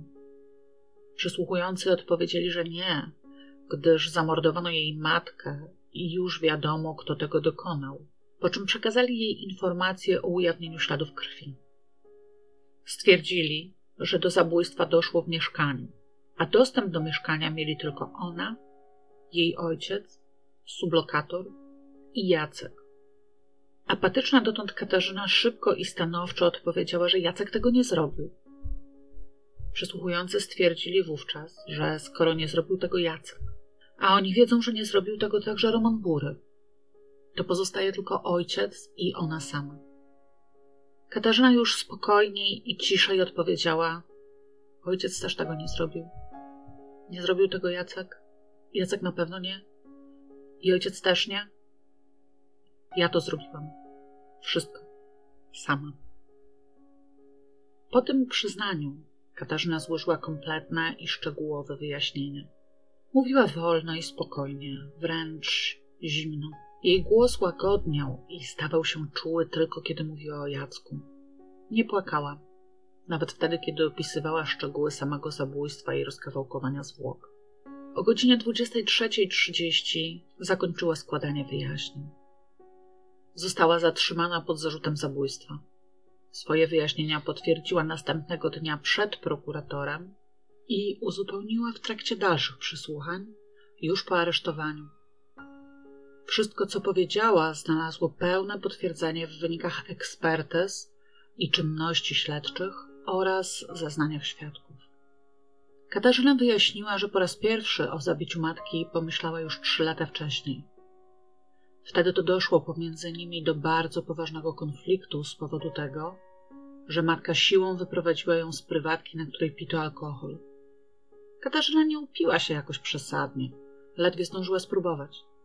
Ale dla Danuty sama obecność jedynaczki w towarzystwie osób pijących stanowiła wystarczający powód do tego, żeby, jak uważała Katarzyna, upokorzyć ją przed kolegami. Mimo to Katarzyna chciała ją przeprosić i następnego dnia kupiła jej kwiaty. Danuta wyrzuciła je do śmieci. Po tym zdarzeniu matka jeszcze wielokrotnie wracała do niego, wypominając córce niestosowne zachowanie. Wykorzystując je jako pretekst, zaczęła kontrolować Katarzynę poprzez zmuszanie jej do informowania z kim, gdzie i kiedy przebywa i jak spędza czas wolny. Ponadto regularnie wypytywała ją o postępy w nauce, ganiła za niechęć do czytania książek i napominała, że w życiu należy postępować z rozwagą, a w razie problemów radzić się starszych, czyli rodziców. Kiedy zaczęły się problemy w jej małżeństwie, Danuta dodatkowo zaczęła także zarzucać Katarzynie lenistwo i brak troski o dom. Katarzyna kochała ojca, który często ją chwalił i nie robił jej wymówek na każdym kroku. Przywiązała się też do jego nowej partnerki, która traktowała ją jako osobę dorosłą. Niestety, ojciec, zapewne pochłonięty organizacją nowego życia, nie kwapił się wcale, aby poświęcać córce więcej czasu niż to było konieczne i praktycznie pozostawił Katarzynę pod wyłączną opieką Danuty. 18 lutego, kiedy Katarzyna około 14 wróciła ze szkoły, Danuta jednocześnie robiła pranie i gotowała obiad. Razem usiadły do stołu i zaczęły jeść zupę. W trakcie posiłku Danuta znów zaczęła córce robić wymówki, że ta jest niedobrym i niewdzięcznym dzieckiem i Danuta nie wie, czemu jest do niej wrogo nastawiona. Mówiąc te słowa, coraz bardziej się denerwowała. Podnosiła głos, w końcu zaczęła krzyczeć. Katarzyna milczała, zajęta myśleniem o sprawie kradzieży i postępowaniu przed kolegium. Według jej oceny była to normalna awantura, jaką matka zwykła jej robić kilka razy w miesiącu. Danuta nie atakowała jej wcale mocniej niż zwykle. Po obiedzie wypiły herbatę i Danuta wróciła do prania. Pralka automatyczna była zainstalowana w przedpokoju i kręcąc się wokół niej, Danuta wciąż rzucała pod adresem Katarzyny krytyczne uwagi i zwykłe złośliwości. W końcu zawołała ją do siebie i poleciła zdjąć z Pawlacza kocioł do gotowania bielizny. Pawlacz znajdował się bezpośrednio nad pralką. Katarzyna przyniosła z kuchni rozkładaną drabinkę, rozłożyła ją opierając o krawędź Pawlacza i stanęła na jej drugim lub trzecim stopniu. Danuta stała tuż pod nią, twarzą zwrócona do pralki, zajęta praniem. Nic już nie mówiła. Kiedy Katarzyna sięgnęła w głąb Pawlacza, trafiła dłonią na siekierę, którą sama, oczywiście na polecenie matki, kupiła w styczniu. Chwyciła ją i, również bez słowa, kilkukrotnie uderzyła matkę w głowę. Danuta jęknęła, zachwiała się, ale wciąż stała. Dopiero po kilku kolejnych ciosach upadła, a wtedy Katarzyna zeszła z drabiny i uderzała leżącą dalej, wciąż celując w głowę. W końcu przeciągnęła nie dającą już oznak życia matkę do łazienki i włożyła ją do wanny, po czym zaczęła zmywać krew. Najpierw przygotowała sobie roztwór wody i płynu do mycia naczyń oraz kilka ścierek i szczotkę. Potem zmyła krew z podłogi i ścian w przedpokoju, następnie z podłogi w łazience, a na końcu umyła podłogę w kuchni, na którą naniosła krwi, idąc po środek do mycia naczyń. Rozebrała zwłoki i całą ich odzież włożyła do pralki, aby usunąć krew. Kiedy zorientowała się, że wiszące w łazience ręczniki, w tym te należące do Romana Burego, również są zaplamione krwią, także je wrzuciła do prania. Spieszyła się, choć czuła fizyczne zmęczenie, ponieważ w każdej chwili spodziewała się powrotu sublokatora. Na jej szczęście Roman Bury przyszedł dopiero około dwudziestej. Szybko się spakował i poinformował ją, że wyjeżdża. Nie zapamiętała, czy na stałe, czy tylko na kilka dni. Żeby udaremnić jego wejście do łazienki, Katarzyna powiedziała mu, że wszystkie jego ręczniki, przez pomyłkę, wrzuciła do prania i zaproponowała wezwanie radiotaksy na co się zgodził i wyszedł oczekiwać na taksówkę na ulicy. Jeszcze przed powrotem Burego do Katarzyny zadzwonił Jacek. Rozmawiała z nim dość długo, starając się sprawiać wrażenie, że wszystko jest w porządku. Potem zadzwoniła jeszcze do kilku koleżanek, aby i je przekonać, że nic szczególnego nie zaszło. Już w trakcie tych rozmów planowała, jak usunąć ciało. Po wyjściu sublokatora przystąpiła do rozkawałkowania zwłok. Najpierw nożem kuchennym przecięła skórę i mięśnie wokół szyi, potem tą samą siekierą przerąbała kręgosłup. Odciętą głowę włożyła do przygotowanego aluminiowego garnka i zapakowała go tak, jak został potem znaleziony w jeziorku czerniakowskim. Z Pawlacza zdjęła kocioł do bielizny, ten sam, którego zażądała od niej matka. Przeniosła zwłoki do kotła, przeciągnęła kocioł po podłodze do pokoju matki i zamknęła tam na klucz, po czym wróciła posprzątać łazienkę. Wanna była wypełniona mieszaniną krwi i wody, która nie chciała spływać, ponieważ odpływ zatkany był kawałkami kości i mózgu. Katarzyna wyjęła te kawałki i spłukała w muszli klozetowej. Następnie wyszorowała wannę proszkiem, a jeszcze mokre po praniu ubrania matki zwinęła w kłom i wyniosła na śmietnik upychając głęboko w kontenerze i przysypując je warstwą innych śmieci. Ubrań tych nigdy nie odnaleziono. Paczkę z garnkiem i głową włożyła do plastikowej torby, pojechała nad jeziorko Czerniakowskie i zrzuciła ją z mostu do wody. Jeziorko i jego okolice znała z częstych niedzielnych wycieczek w dzieciństwie, kiedy jeszcze między rodzicami układało się dobrze i chciało im się spędzać razem czas. Po powrocie do domu wypiła butelkę piwa i przez resztę nocy leżała na tapczanie, słuchając muzyki. Nad ranem spaliła legitymację służbową i paszport matki, ponieważ postanowiła stworzyć pozory jej zaginięcia. Około czwartej ściągnęła z Pawlacza walizkę i torbę turystyczną. Przygotowała też kilka ręczników i plastikowych toreb. Wyciągnęła z kotła tułów Danuty i ułożyła go na wyłożonym folią dnie walizki. Wystające nogi odcięła taką samą metodą jak wcześniej głowę, podłożywszy pod nie najpierw kilka ręczników, aby znów nie poplamić podłogi. Z uwagi na rozmiar torby przecięła jeszcze nogi w stawach kolanowych, a następnie owinęła je folią i włożyła do torby. Aby usztywnić walizkę, wcisnęła pod zwłoki fragment płyty pilśniowej oderwanej od stojącego w pokoju fotela. Następnie zabezpieczyła fragment zwłok ręcznikami i resztą folii, torbę i walizkę zamknęła i ustawiła przy oknie balkonowym. Zmyła podłogę w miejscu, w którym rozkawałkowała zwłoki.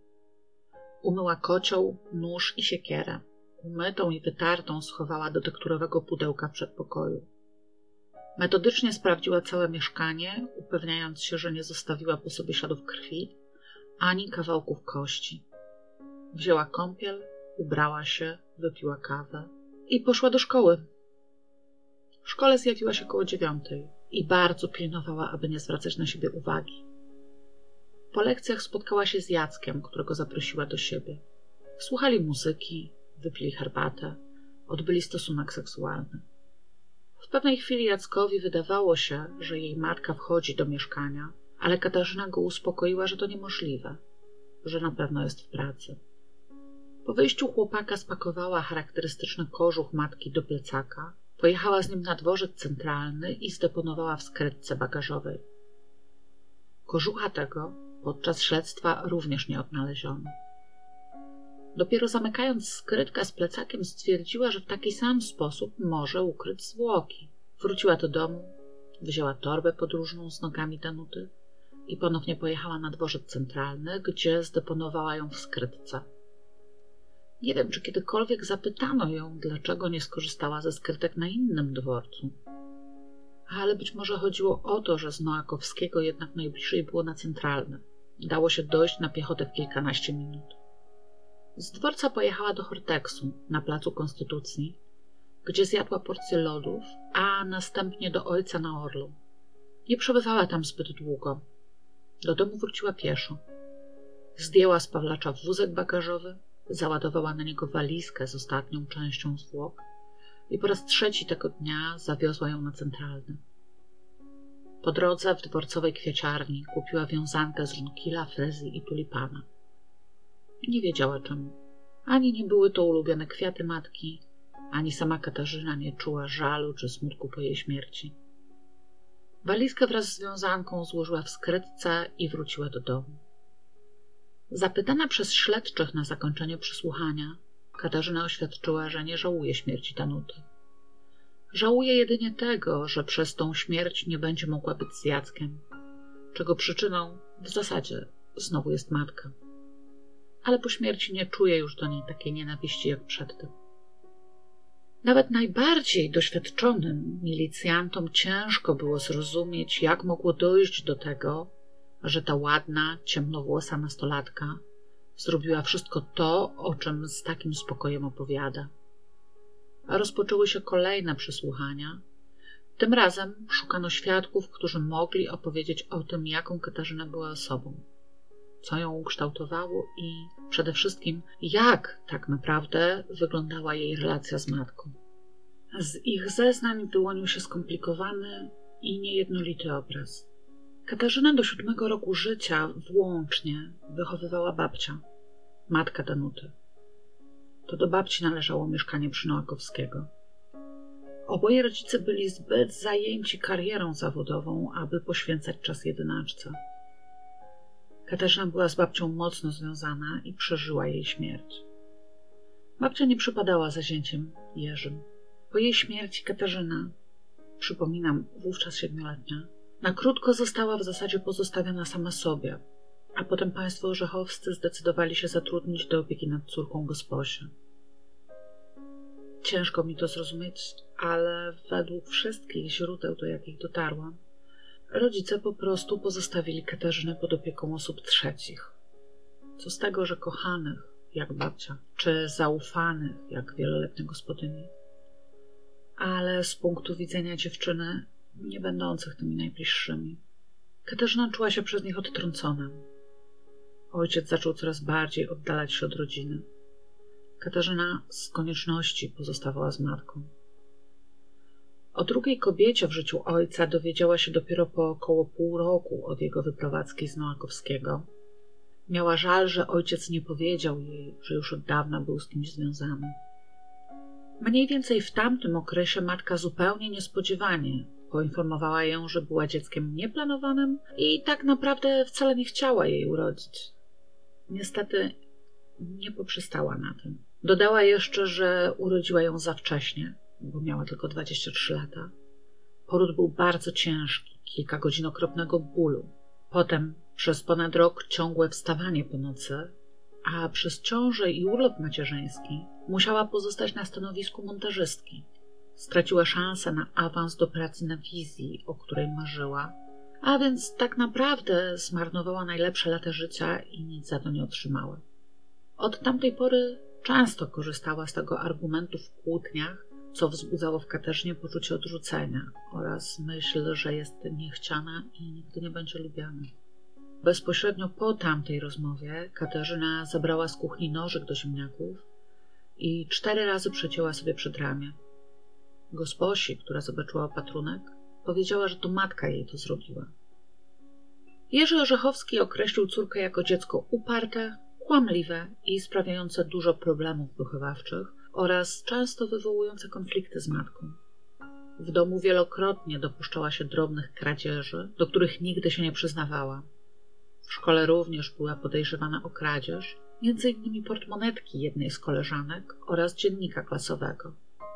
O kradzieży w Supersamie Jerzy nie wiedział i choć miał do Katarzyny żal, że go o tym nie poinformowała, uważał, że wpisało się to w jej schemat niemówienia nikomu o kradzieży. Katarzyna uczyła się przeciętnie, z obowiązku. Nie zdradzała żadnych chęci oraz motywacji do nauki. Nie przejawiała inicjatywy podczas lekcji ani w życiu szkolnym. Negatywne oceny przyjmowała obojętnie, pozytywne zresztą również. Wywołana do odpowiedzi udzielała jej tylko w niezbędnym zakresie. Nigdy nie próbowała sama rozwinąć tematu, ani nie dzieliła się żadnymi refleksjami. Do trzeciej klasy liceum zdała z dużymi trudnościami, do czwartej już jej się nie udało. I w lutym 1980 roku powtarzała trzecią klasę. Często chodziła na wagary. Nauczyciele uważali ją za zrównoważoną i spokojną, choć komentowali między sobą jej skrytość, zamknięcie w sobie i brak reakcji na otoczenie. Również według opinii nauczycieli Katarzyna była lubiana w szkole, choć nie miała żadnych bliższych przyjaciół. Kiedy była w drugiej klasie, pewien chłopak zaprosił ją na bal maturalny. Była z tego faktu wyraźnie zadowolona. Na balu bawiła się bardzo dobrze, choć wykorzystała okazję i w jego dniu nie pokazała się w szkole, uciekając ze wszystkich lekcji. Przez cały okres nauki w liceum nie miała żadnego chłopaka. Dopiero ostatnio zbliżyła się z Jackiem, co zostało zauważone i pozytywnie skomentowane na Radzie Pedagogicznej. Nauczyciele liczyli na to, że poważny i spokojny Jacek zmotywuje ją do nauki i ułatwi promocję do klasy naturalnej. Koleżanki i koledzy ze szkoły za dominującą cechę Katarzyny uważali niezależność i potrzebę decydowania o sobie. Jednocześnie była uczciwa. Nie mieszała się w sprawy innych i nigdy nikomu nie zrobiła żadnego świństwa. Lubiła się bawić, chętnie uczestniczyła w szkolnych potańcówkach i wszelkiego rodzaju prywatkach. Nie miała dużego pociągu do alkoholu. Jeśli był dostępny, to piła, jeśli nie, równie dobrze bawiła się na trzeźwo. Zdarzało się, że matka zabraniała jej przyjść na prywatkę. Zawsze wywoływało to gniew i złość Katarzyny, ale respektowała te zakazy. Bliskie koleżanki, które najczęściej słuchały narzekań na matkę, z jednej strony uważały, że Danuta robi dobre wrażenie i jako matka jest troskliwa i uczynna, ale z drugiej zgadzały się z Katarzyną, że awantury, jakie Danuta robiła jej o wyjście z domu bez podania celu i miejsca pobytu, czy pójście prosto po szkole do kina bez poproszenia o pozwolenie, nie były w porządku. Jacek przyznał, że stosunki pomiędzy Katarzyną a jej matką istotnie były chłodne i brakowało w nich serdeczności, ale trudno mu było ocenić, kto za to ponosił winę. Katarzyna skarżyła mu się zarówno na nadmierną, jej zdaniem, kontrolę ze strony Danuty, jak i na brak zainteresowania i niepoświęcanie jej czasu. Uważał też, że dziewczyna nie była z nim szczera, a jako przykład tej nieszczerości podawał tylko zatajenie kradzieży w Supersamie. 20 lutego Katarzyna powiedziała mu, że matka nie wróciła na noc, ale nie wydawała się tym jakoś szczególnie przejęta. Przez następne dni, także w dniu pogrzebu Danuty, była spokojna, jak zawsze. Do swojej matki, już po jej zatrzymaniu, Jacek miał powiedzieć, że były dwie Katarzyny. Ta, którą trochę znał i ta, która zabiła. Matka Jacka uważała dziewczynę syna za dziwną. Ona również zwróciła uwagę na jej skrytość i małomówność. Zdaniem przyjaciół Danuty i Jerzego Orzechowskich, to Katarzyna nie zadawała sobie trudu, by zrozumieć swoją matkę, jej kłopoty i trudności. Była egoistką, izolowała się od otoczenia i nie dopuszczała innych do swoich spraw. Miała skłonności do obwiniania osób trzecich za swoje porażki. Oboje rodzice troszczyli się o nią w sposób właściwy. Danuta dbała o córkę, zabiegała o jej dobro, ale Katarzyna była zamknięta w sobie i niezdolna do zwierzeń czy wylewności. Danuta miała do niej żal za tę oschłość. Z drugiej jednak strony, kiedy Danuta chorowała, Katarzyna opiekowała się nią z oddaniem. Zdaniem jednej z przyjaciółek, Katarzyna miała pretensje do matki, że ta nie potrafiła zatrzymać przy sobie ojca i pozwoliła mu odejść do innej kobiety. Inna uważała, że Katarzyna już od małego uzależniała swój stosunek do matki od własnych celów i potrzeb. Wszyscy zgodnie podkreślali, że w okresie wspólnego pożycia Danuta i Jerzy wykazywali wzorową troskę o córkę i to pomimo znacznego zaabsorbowania pracą zawodową. Katarzyna była zawsze dobrze ubrana, miała własny, ładnie urządzony pokój, nie żałowano na nią pieniędzy. Danuta była być może nieco sztywna i oschła, ale miało to wynikać z dbałości o zachowanie dobrej opinii w otoczeniu. Płacało się zresztą, bo tą opinię w miejscu pracy miała wzorową. Córce starała się zapewnić stałą opiekę odpowiednich lekarzy, a odpowiednią dietę, interesowała się jej postępami w nauce. Wiedziała, że ich relacja nie jest najlepsza i starała się ją poprawić, także wyłącznie winną dramatu, jaki się rozegrał, może być tylko Katarzyna. Katarzynę Orzechowską skierowano na obserwację sądowo-psychiatryczną do szpitala przy ulicy Dolnej w Warszawie. W jej toku przeprowadzono z nią szereg badań, w trakcie których podała o sobie następujące dane. Do szkoły podstawowej zaczęła uczęszczać w wieku 7 lat. Najpierw przez 4 lata do szkoły nr 45 przy ulicy Noakowskiego. Chodziła do niej chętnie, w klasie wyróżniała się wysokim wzrostem. Pierwszą klasę ukończyła z oceną bardzo dobrą, kolejne dobrą. Nie odczuła w szkole żadnych przykrości, nie miała obniżonych stopni z zachowania. Od piątej klasy, z powodów, których nie znała, uczęszczała już do szkoły numer 18 przy ulicy Polnej. W tym czasie zaczęła według własnych słów obniżać loty. Z roku na rok przestała się systematycznie uczyć, otrzymywała coraz gorsze oceny. Nie były to jeszcze co prawda oceny niedostateczne, ale wyraźnie pogorszyły się względem poprzedniej szkoły. Nie powtarzała klasy. Szkołę ukończyła z oceną dobrą. Według jej oceny było tak dlatego, że trochę rozrabiała, robiła różne psoty, a poza tym miała więcej kolegów niż koleżanek i to nie podobało się wychowawczyni. Katarzyna bolała towarzystwo chłopców, ponieważ dziewczęta obgadywały się i robiły takie stare malutkie, a jej bardziej odpowiadał sportowy styl zachowania, który z kolei drażnił nauczycieli. Między innymi została upomniana za chodzenie po drzewach. Na wagary po raz pierwszy poszła w czwartej klasie. Często robiła coś, co nazywała pseudowagarami. Szła do lekarza, a uzyskawszy od niego zlecenie na badania, na lekcje już nie wracała.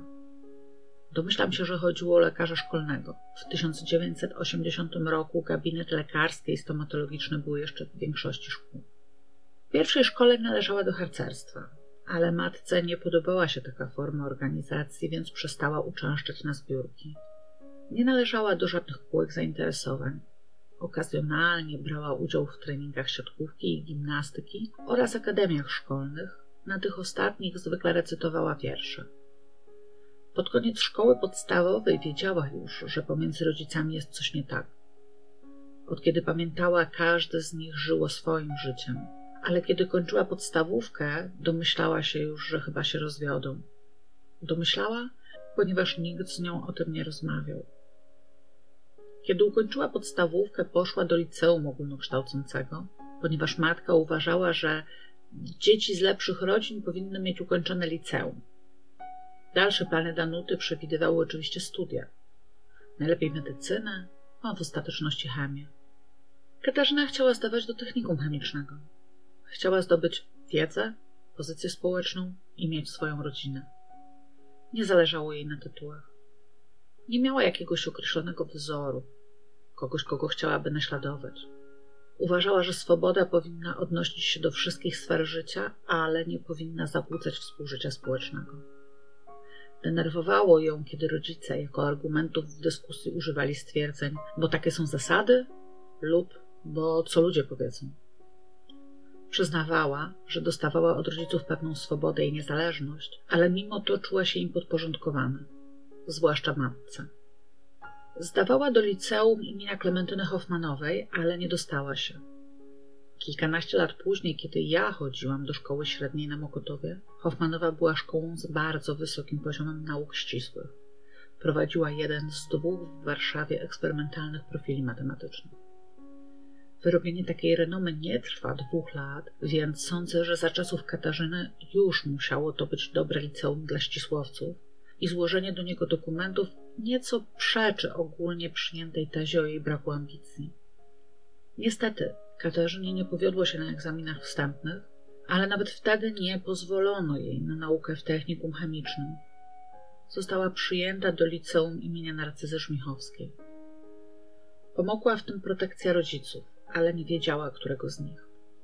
Została przyjęta do klasy ogólnej z językiem francuskim, którego nie znała. Dopiero w drugiej klasie udało jej się przenieść do klasy matematycznej z językiem angielskim. Do Żmichowskiej dostało się również kilkoro jej znajomych z podstawówki, jednak najlepsza przyjaciółka, Agnieszka, poszła do innego liceum. Nauka w liceum szła jej źle, nie radziła sobie. Powtarzała trzecią klasę. Nie nawiązała w szkole żadnych bliższych relacji. W sierpniu 1979 roku na szkolnym obozie ochotniczych chówców pracy zbliżyła się do kolegi z poprzedniej klasy, tej, z którą nie zdała, Jacka. Na początku spotykali się w większej grupie znajomych, ale spędzali ze sobą dużo czasu i dość szybko oficjalnie zostali parą. Od stycznia 1980 roku współżyli ze sobą. Jacek był jej pierwszym i jedynym partnerem seksualnym. Jeśli chodzi o zdrowie fizyczne, biegli ustalili, że Katarzyna od około czwartego roku życia zaczęła często zapadać na anginę, grypy i choroby zatok. W związku z tym bardzo często, kilka razy do roku, przechodziła terapię antybiotykami. Mając 11 lat, zachorowała na odrę i po tej chorobie problem z anginami ustąpił. Dwukrotnie w dzieciństwie doznała urazu czaszki. Raz na skutek urwania się na nią żyrandola, drugi po upadku, w trakcie którego uderzyła głową o schody. Po tym drugim zdarzeniu przez kilka tygodni miała duże, krwawe podbiegnięcie na głowie. Nie zdarzały jej się utraty przytomności, natomiast miewała bóle głowy, które zaczynały się zawsze od zawrotów głowy. Nie pamiętała, czy występowały przed urazami czaszki. Często wpadała w złość, ale jak to określała, tak do wewnątrz. Odczuwała wtedy chęć wyładowania się, wyżycia, choć nie skierowaną na żaden konkretny cel. Rozładowywała ją na przykład trzaskając drzwiami albo rzucając czymś. Łatwo zrażała się do nowo poznanych osób, długo też nosiła w sobie urazę. Nie lubiła odblaskowych kolorów, a czerwony ją denerwował. Mając 11 lat dostała pierwszej miesiączki. Była na to przygotowana poprzez rozmowy z matką i koleżankami. Nie odczuwała przy tym napięć, menstruowała regularnie i niemal bezboleśnie. Współżycie seksualne również było dla niej pozytywnym doświadczeniem.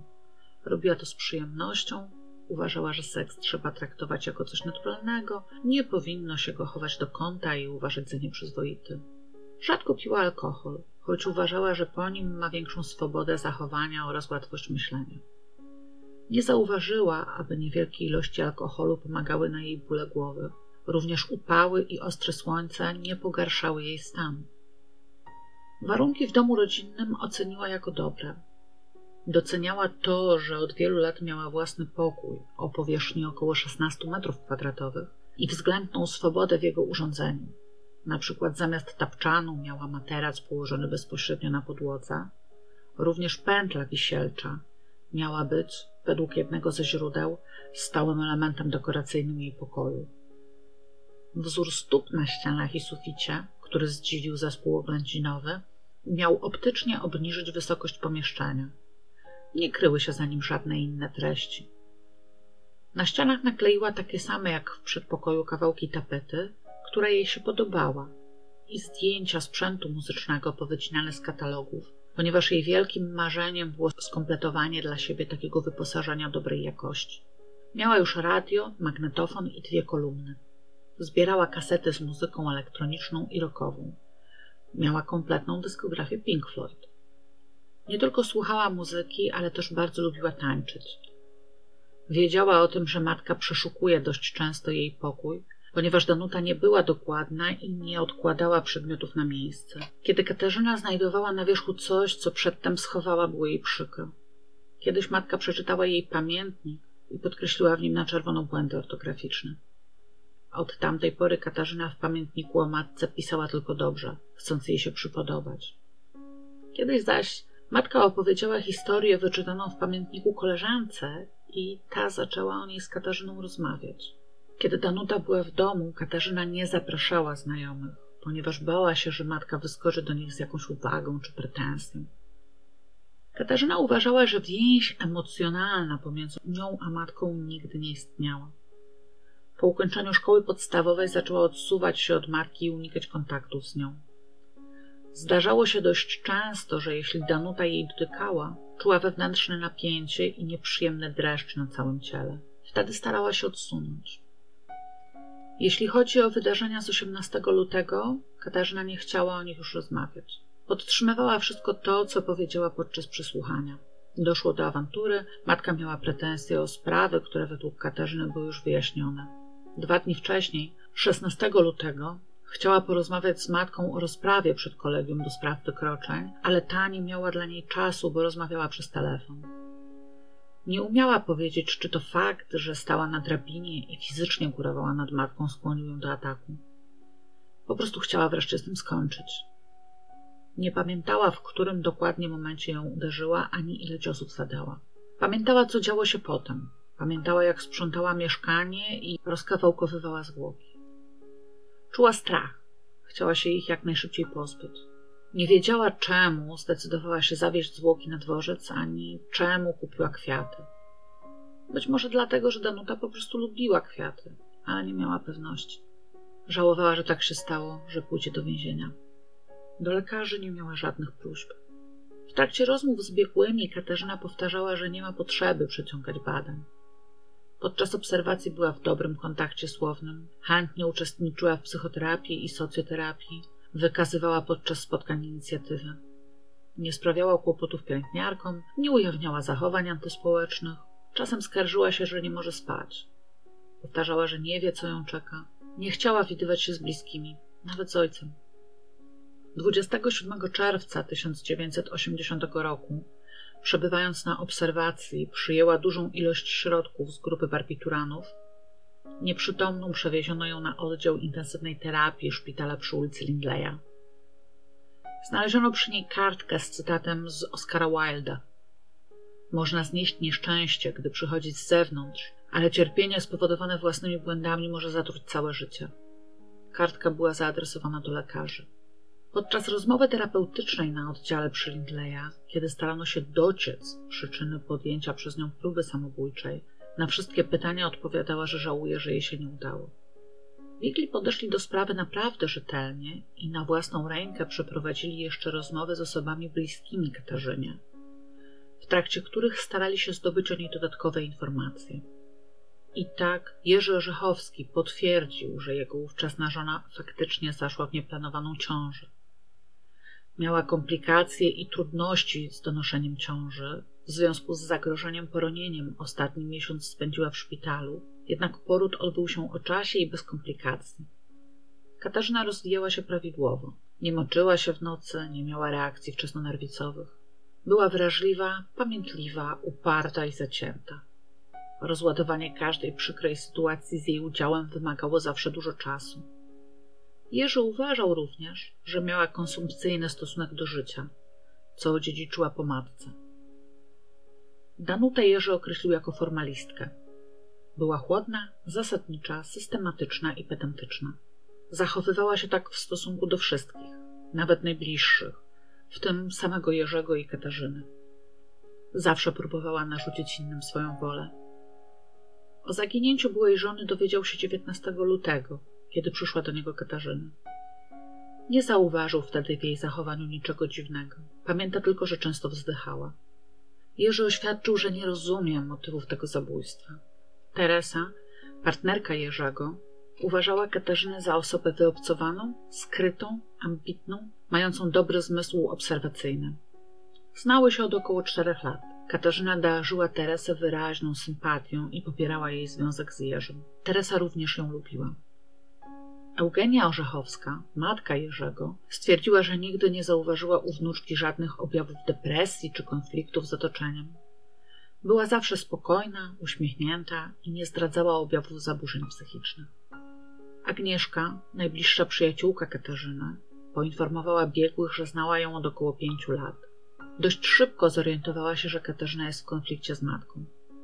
Według jej wiedzy, matka czyniła Katarzynie częste wymówki urządzała awantury. Powodem krzyków i obelg ze strony Danuty były takie sytuacje, jak niesprzątnięcie przez córkę mieszkania czy niezrealizowanie poleconych zakupów. W ocenie Agnieszki reakcje Danuty nie były adekwatne do wagi przewinienia córki, lecz znacznie za mocne. Katarzyna z jednej strony często narzekała na takie traktowanie, ale z drugiej była matce podporządkowana. Danutę Agnieszka oceniła jako osobę z dystansem i obojętną. Jerzego jako kogoś dziwnego, czasem gorliwego, a czasem również obojętnego. Agnieszka wiedziała, że Katarzyna miewa częste bóle głowy, ale jak wielu wypowiadających się przed nią, również uważała ją za skrytą. Jacek poinformował, że poznali się z Katarzyną w 1976 roku i przez trzy lata chodzili do tej samej klasy. Była otwarta i spokojna. Mówiła, że z matką nie ma żadnych wspólnych tematów i nie chce z nią mieszkać. Nie podejmowała jednak żadnych działań, żeby coś w tej sprawie zmienić i na przykład zamieszkać z ojcem. Jacek uważał, że Danuta miała do niego pozytywny stosunek, lubiła go. Po awanturach z matką Katarzyna była niespokojna, napięta i rozdrażniona. 19 lutego odwiedził dziewczynę po lekcjach, ale dopiero następnego dnia w szkole powiedziała mu, że matka zaginęła. Nie mógł zrozumieć, jak mogło dojść do tego zabójstwa. Od strony medycznej na potrzeby opinii zarządzono u Katarzyny. Badania laboratoryjne krwi nie ujawniły istnienia zmian patologicznych. Trzykrotne badanie elektroencefalograficzne dwukrotnie dało wynik prawidłowy, jeden raz ujawniło dyskretne zmiany patologiczne w tylnych częściach mózgu. Badanie radioimmunologiczne tarczycy ujawniło drobne nieprawidłowości w budowie gruczołu i rozkładzie izotopu wewnątrzniego. Na podstawie wyników badania tarczycy konsultujący tyreolog stwierdził objawy nerwicy wegetatywnej. Tomografię komputerową mózgu wykazała jego prawidłową budowę. Konsultację psychiatryczną nie wykazała objawów choroby, choroby psychicznej. Badania psychologiczne wykazały wysoki poziom inteligencji, koncentracji, sprawności manualnej i wyobraźni przestrzennej, znaczną przewagę myślenia abstrakcyjnego nad myśleniem syntetycznym, dysproporcje pomiędzy nastawieniem społecznym a poziomem intelektualnym, pedanterię, drobiazgowość i niemożliwość oderwania się od następnych zadań. Całość tych cech pozwalała wnosić o nieznacznym uszkodzeniu ośrodkowego układu nerwowego. Z analizy biegłych wynikało, że jej poziom funkcjonowania mechanizmów regulacyjno-obronnych nie był w pełni wykształcony. Sprawnie nawiązywała kontakt intelektualny, w kontaktach emocjonalnych była znacznie zahamowana. Jako ostateczną opinię przyjęto, że pomimo nieznacznego uszkodzenia układu nerwowego i nieharmonijnego rozwoju sfery emocjonalnej, Katarzyna nie zdradza objawów choroby psychicznej. Biegli wysnuli również wniosek, że bezpośrednim impulsem do zabójstwa był u Katarzyny fakt znajdowania się na drabinie i fizycznego górowania nad matką. Wobec trwającego latami konfliktu między nimi, ze strony Danuty podszytego znaczną agresją, ze strony Katarzyny zaś, z uwagi na jej nieprawidłowości emocjonalne, tłumionego wewnątrz, ta pozorna zmiana pozycji i wyjście spod dominującego wpływu matki, nawet tylko na drabinę, mogło stanowić czynnik umożliwiający dziewczynie ujawnienie wszystkich skumulowanych negatywnych emocji. Następujące po zabójstwie działania Katarzyny, rozkawałkowanie zwłok i rozniesienie ich po różnych częściach miasta, zostały z kolei ocenione jako niewspółmierne do sytuacji i świadczące o długotrwale zalegającej agresji wobec ofiary przy jednoczesnym lęku sytuacyjnym. Próba samobójcza Katarzyny została przez nich oceniona jako zmierzająca do faktycznego zakończenia swojego życia, nie będąca symulacją i będąca wyrazem żalu i skruchy, których w inny sposób nie potrafiła okazać. W ostatecznej konkluzji opinia głosiła, że Katarzyna Orzechowska miała w momencie zabójstwa matki znacznie ograniczoną zdolność zrozumienia znaczenia swojego czynu i pokierowania swoim postępowaniem, ale w aktualnym stanie psychicznym jest zdolna do stawiennictwa przed sądem. Opinię sporządziło dwoje psychiatrów, doktorzy Skoczkowski i Konkolewska oraz dwoje psychologów, magister Szypulska i magister Tryliński. Postępowanie w sprawie o zabójstwo Danuty Orzechowskiej rozpoczęło się przed Sądem Wojewódzkim w Warszawie 22 października 1980 roku przed składem złożonym z sędziów Majewskiej i Popowicza oraz trojga ławników. Akt oskarżenia przeciwko Katarzynie Orzechowskiej sporządziła prokuratura wojewódzka. Zawierał on zarzut przestępstwa z artykułu 148 paragraf 1 kodeksu karnego czyli zabójstwa. Prokuratura nie uwzględniła więc ani możliwości popełnienia przez Katarzynę zabójstwa pod wpływem stanu silnego wzruszenia, ani stwierdzonego u niej przez biegłych ograniczenia poczytalności. Ze zrozumiałych przyczyn sprawa toczyła się bez udziału publiczności. Wezwano 14 świadków i czworo biegłych, zaniechano wezwania dalszych 29 świadków, ograniczając się do odczytania na rozprawie ich zeznań.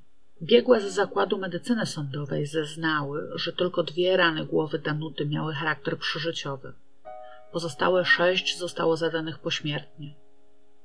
Dopiero przed sądem Jerzy Orzechowski opowiedział o szczegółach swojego rozwodu. Przyznał, że Danuta wielokrotnie wypominała mu zbyt niskie zarobki, a kiedy zaczął tracić do niej pociąg seksualny, także problemy z potencją. Na takie wymówki miała specjalny, sztucznie słodki ton głosu i używała w ich trakcie wielu zdrobnień. Jerzy uważał, że chciała w ten sposób wzbudzić w nim poczucie niższości wobec siebie. Katarzyna Orzechowska na sali sądowej nadal była spokojna i grzeczna. Na zadawane jej pytania odpowiadała logicznie. Nie okazywała zdenerwowania. Odmówiła złożenia ponownych wyjaśnień na temat przebiegu zabójstwa. Sąd poprzestał więc na zaprotokołowaniu jej oświadczenia, że podtrzymuje wyjaśnienia złożone w toku postępowania przygotowawczego. Pozwolono jej stawić się we własnych ubraniach, nie w więziennym uniformie. Kiedy sąd zapytał ją, co chciałaby powiedzieć w ostatnim słowie, odparła, że nie ma nic do powiedzenia. 24 grudnia 1980 roku ogłoszono wyrok. Katarzyna Orzechowska została uznana winną zabójstwa swojej matki, Danuty Orzechowskiej, oraz rozkawałkowania i ukrycia jej zwłok. Niemniej sąd przyjął, wbrew aktowi oskarżenia, że działała ona w stanie ograniczonej poczytalności i z tego powodu wymierzył jej karę 8 lat pozbawienia wolności. Była to najniższa przewidziana kodeksem kara za zabójstwo. Katarzyna przyjęła wyrok ze swoim zwykłym spokojem. Natomiast osoby zgromadzone przed sądem w oczekiwaniu na wyrok były przekonane, że po raz pierwszy w powojennej historii Polski zostanie orzeczona kara śmierci wobec kobiety. I w stronę wyprowadzanej pod konwojem Katarzyny krzyczały: Mało, mało, matkobójczyni. W 1981 roku Sąd Najwyższy podtrzymał wyrok Sądu Wojewódzkiego. Katarzyna karę odbywała w zakładzie karnym w Bydgoszczy Fordonie. Miała dobrą opinię, była zdyscyplinowana i posłuszna, lubiana zarówno przez współosadzone, jak i personel więzienny. Przez większą część spędzonego tam czasu pracowała w więziennej szwalni. Szybko i dobrze opanowała podstawy krawiectwa, pracowała chętnie, została kilkukrotnie uznana za przodownicę swojego zespołu szwaczek i z tego tytułu otrzymała prawo do dodatkowych widzeń. Wykorzystała jedna widzenia z ojcem, z którym poza tym regularnie korespondowała. Z Jackiem na początku wyroku również, ale dosyć szybko ta korespondencja urwała się. Katarzyna w zakładzie karnym często bywała smutna i zamyślona, ale zawsze spokojna. Nie przystąpiła do subkultury więziennej, wyraźnie unikała jakichkolwiek kłótni czy nieporozumień, starała się nie wchodzić nikomu w drogę. Ustąpiło jej dawne zamknięcie w sobie. Chętnie szukała kontaktu ze współosadzonymi. Jerzy Orzechowski, odwiedzając ją regularnie, również zauważył znaczną zmianę na lepsze i ocieplenie ich relacji, a momentami nawet czułość ze strony córki. Katarzyna Orzechowska wyszła na wolność w 1988 roku. Zamieszkała z ojcem, ale dość szybko zmieniła nazwisko i przeprowadziła się na południe Polski, gdzie wyszła za mąż i urodziła córkę. Mąż znał jej przeszłość i akceptował ją. Po urodzeniu dziecka miała depresję poporodową, która przeszła w ciężką postać zaburzeń depresyjnych. Mąż początkowo próbował ją wspierać, ale kiedy Katarzyna poprosiła go o rozwód i przejęcie opieki nad córką, zgodził się. Rozstali się w przyjaźni. Katarzyna pozostała samotna. Ma z córką dobry kontakt, widują się regularnie, stara się o nią dbać. Nie wie, na którym cmentarzu Danuta została pochowana.